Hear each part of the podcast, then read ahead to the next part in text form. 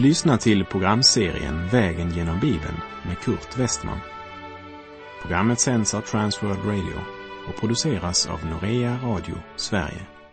Slå gärna upp din bibel och följ med. Vi har hunnit till det fjärde kapitlet i Första Timoteusbrevet. Temat är avfallet i församlingen. Det är syndens tragiska men som inleder kapitel 4. Men anden säger tydligt. Ordet men pekar tillbaka på det som han tidigare har sagt.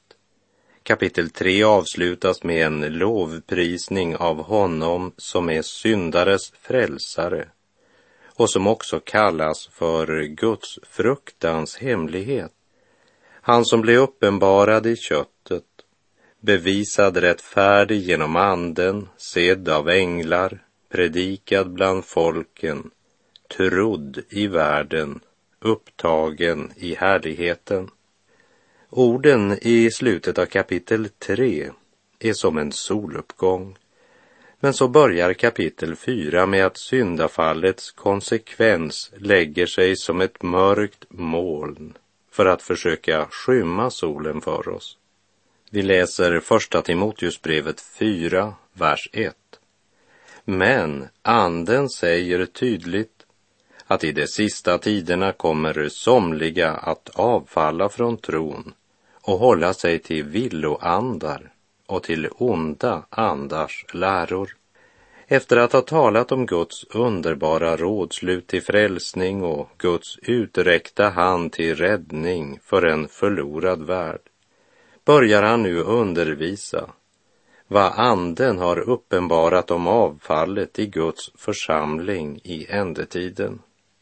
På andra ställen där jag talat om de sista tiderna här i Första Timoteusbrevet så har jag refererat till den sista tiden för Kristi församling på jorden.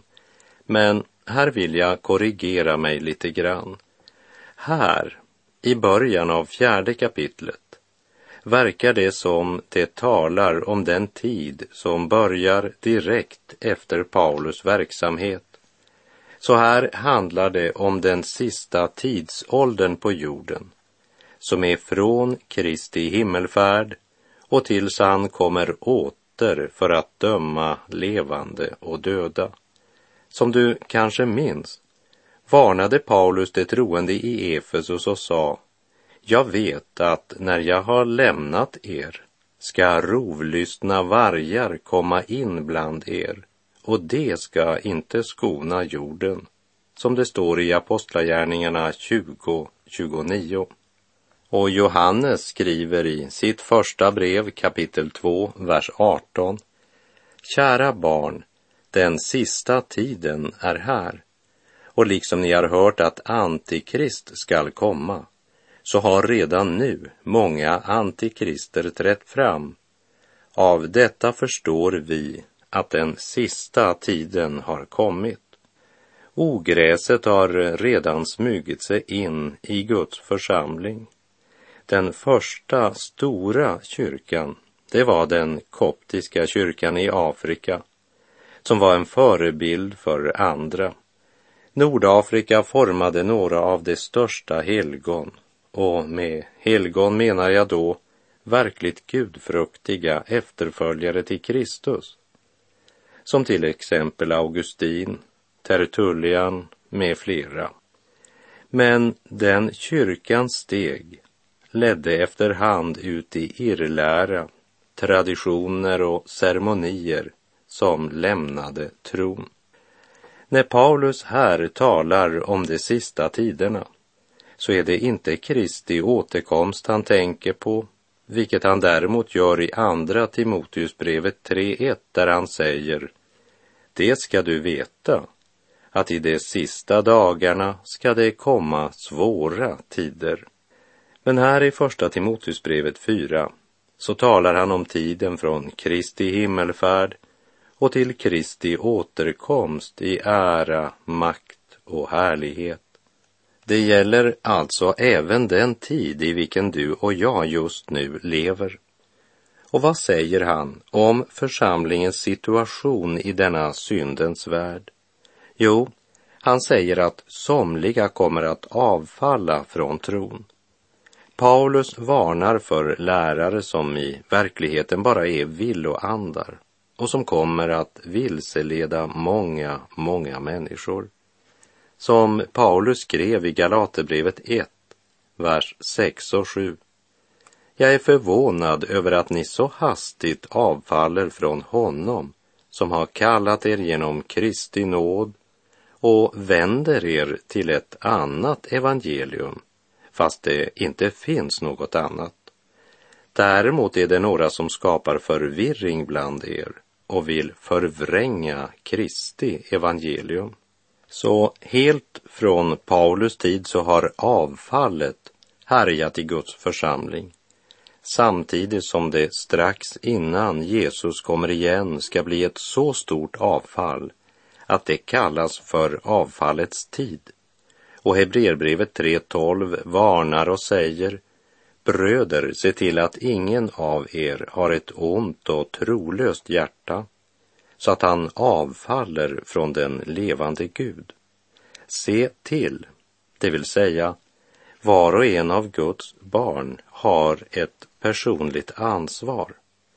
Och här går mina tankar till de mycket allvarliga orden i Hebreerbrevet 6, vers 4 till och med 6. Ty det som en gång tagit emot ljuset och smakat den himmelska gåvan, fått del av den helige Ande och smakat det goda gudsordet och den kommande världens krafter, men sedan avfallit, dem är det omöjligt att föra till ny omvändelse eftersom de själva på nytt korsfäster Guds son och öppet hånar honom. Nu skriver Paulus till sin unge medarbetare och bereder honom på de villkor han måste arbeta under för evangeliets skull. Paulus lovar inte den unge guld och gröna skogar, men han säger Anden säger tydligt att i de sista tiderna kommer somliga att avfalla från tron och hålla sig till villoandar och till onda andars läror. Och i vår tid så blomstrar gammal hednisk gudstyrkan igen. Vidskepelse, stjärnskrock, ja, till och med satandyrkan omtalas nu öppet. Religiös mystik övernaturliga fenomen. Vi lever i en tid då människan är beredd att tro på nästan vad som helst utom på Israels Gud och hans son, Herren Jesus Kristus. Det finns grupper av människor som hävdar att de är kristna samtidigt som deras förkunnelse starkt fokuserar på Satan, demoner och besättelse liksom det finns några som är mera upptagna av Antikrist än av Kristus. De läser alla böcker de kan hitta om Antikrist. Idag så kan vi runt omkring oss tydligt se det som Paulus varnar oss för, nämligen villoandar och onda andars läror. Vi borde pröva allt på Guds ord vi borde vara på vakt genom att själva studera Guds ord sammanhängande. Hebreerbrevet 1, vers 1 till och med 3 säger sedan Gud i forna tider många gånger och på många sätt hade talat till fäderna genom profeterna har han nu i den sista tiden talat till oss genom sin son. Honom har han insatt till att ärva allting och genom honom har han också skapat världen. Sonen utstrålar Guds härlighet och uppenbarar hans väsen och uppehåller allt genom sitt mäktiga ord. Och sedan han utfört en rening från synderna sitter han nu på majestätets högra sida i höjden. Frälsningen är en person, Herren Jesus Kristus, den utlovade Messias, Guds son. Det är evangeliet om hans son som till sin mänskliga natur föddes av Davids släkt och som genom helighetens ande blev med kraft bevisad vara Guds son alltifrån uppståndelsen från de döda.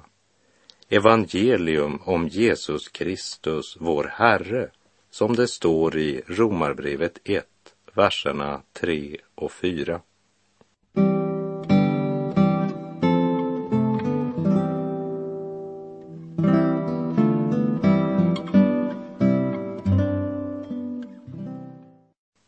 När Paulus talar om de som avfaller från tron och håller sig till villoandar och till onda andars läror så säger han, första Timoteusbrevet 4.2, det kommer att förledas av hycklare och lögnare som är brännmärkta i sina samveten, spridda av hycklande lögnare med bortbränt samvete, står det i en annan översättning hycklande lögnare.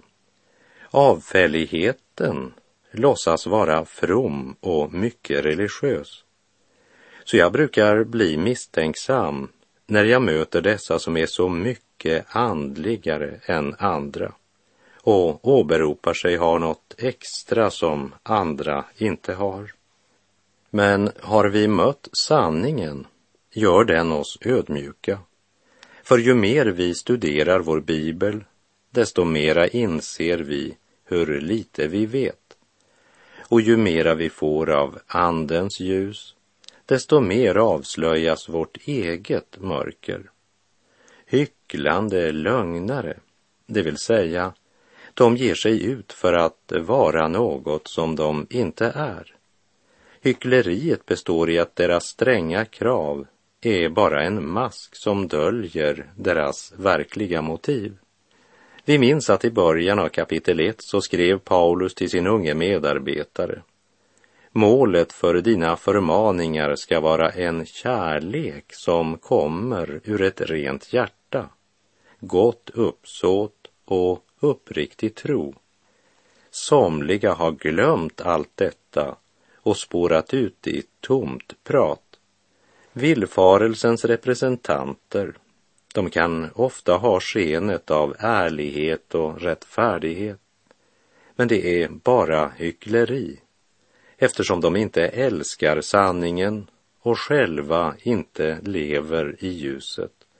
De har kompromissat med sina samveten så länge att de har blivit helt känslolösa och de gör sig sina egna religiösa lagar. Vi läser första Timoteusbrevet 4, vers 3. Folk som förbjuder äktenskap och kräver att man avstår från föda som Gud har skapat till att ätas under tacksägelse av dem som tror och som känner sanningen. Redan medan Jesus vandrade här på jord så var det någon som gick från den judiska tron till kulter och ismer så det är inte något nytt för vår tid. Det har pågått länge.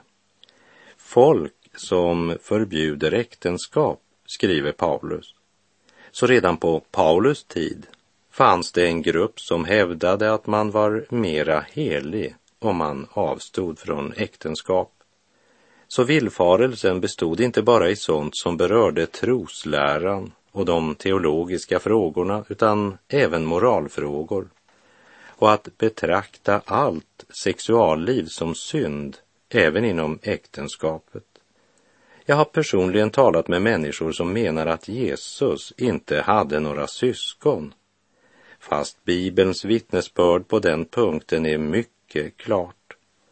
Men det ser man som otänkbart och deras begrundelse är skulle Maria ha orenat sig efter att hon födde Kristus? Underförstått, allt sexualliv är synd. Men sådana tankar är villoläror och onda andars läror. Och den villfarelsen, den skapar ett helt förvridet sexualsyn. Även sexuallivet är skapat av Gud. Men det är en gåva som hör hemma innanför den ram som heter det heliga äktenskapet. Till de troende i Korint skriver Paulus i Första Korinthierbrevet 7, verserna 1 till och med 5. I fråga om det ni skrev svarar jag, det är visserligen bäst för en man att inte röra en kvinna, men för att undvika otuktsynder ska varje man ha sin hustru och varje hustru sin man. Mannen ska ge sin hustru vad han är skyldig henne och på samma sätt hustrun sin man. Hustrun bestämmer inte över sin kropp, det gör mannen. På samma sätt bestämmer inte mannen över sin kropp, det gör hustrun. Håll er inte borta från varandra, utom möjligen för en tid med bådas samtycke, så att ni kan ägna er åt bönen och kom sedan tillsammans igen så att Satan inte frestar er eftersom ni inte kan leva avhållsamt. Otrohet är äktenskapsbrott. Men här ser vi att det kan finnas en annan form för äktenskapsbrott också.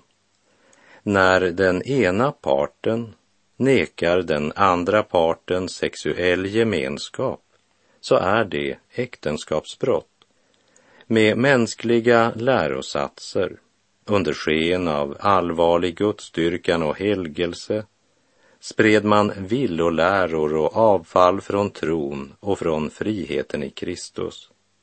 Och det gällde inte bara äktenskapet. Man har också förbud när det gäller mat.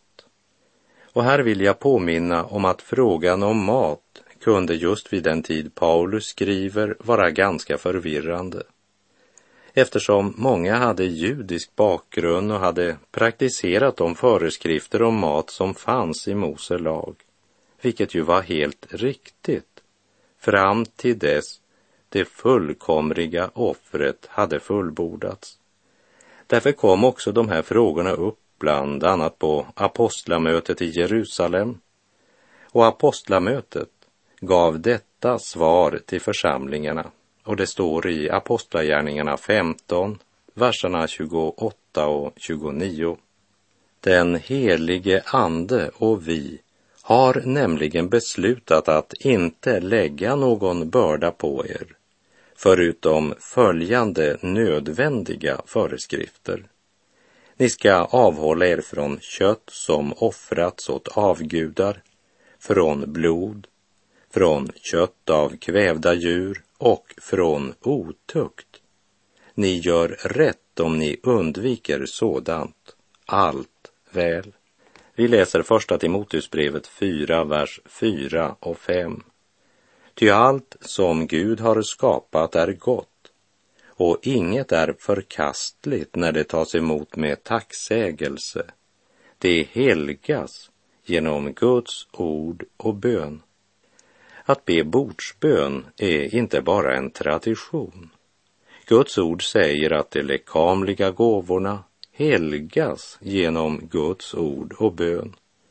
Och på det sättet påminner vi varandra om att Gud är alla goda gåvors givare.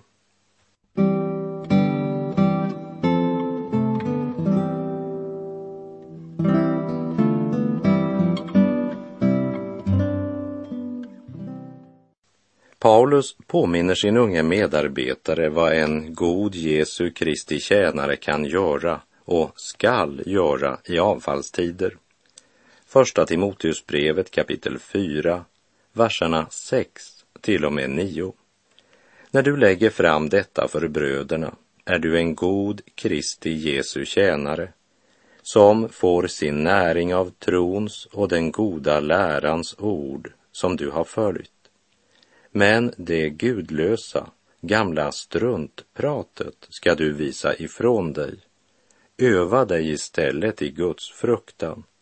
Ty kroppsövning är i någon mån nyttig, men Guds fruktan är på allt sätt nyttig, eftersom den har löfte om liv, både för den här tiden och den kommande.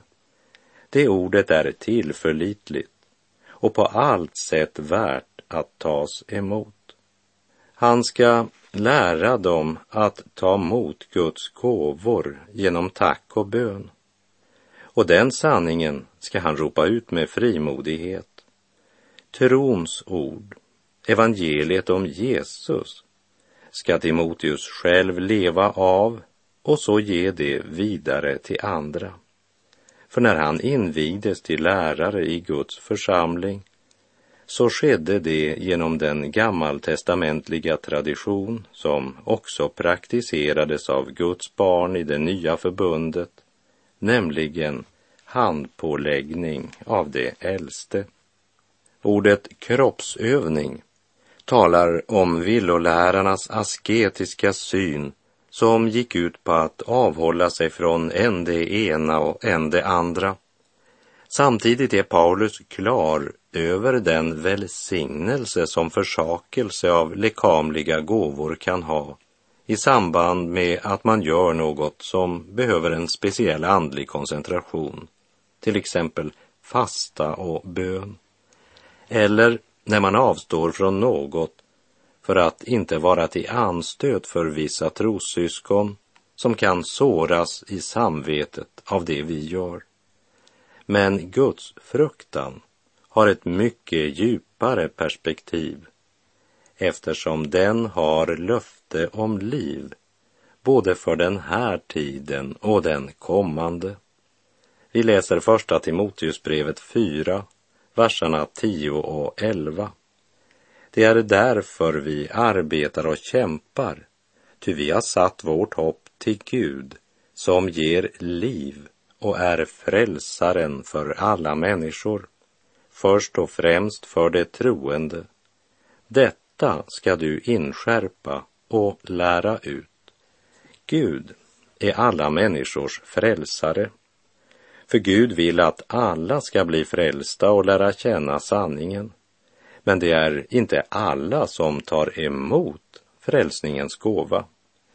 Paulus säger att de arbetar och kämpar. Därmed påminner han Timoteus att den som arbetar för Herren måste räkna med att det verkligen kräver arbete och slit. Samtidigt som den bärande kraften är det levande hoppet.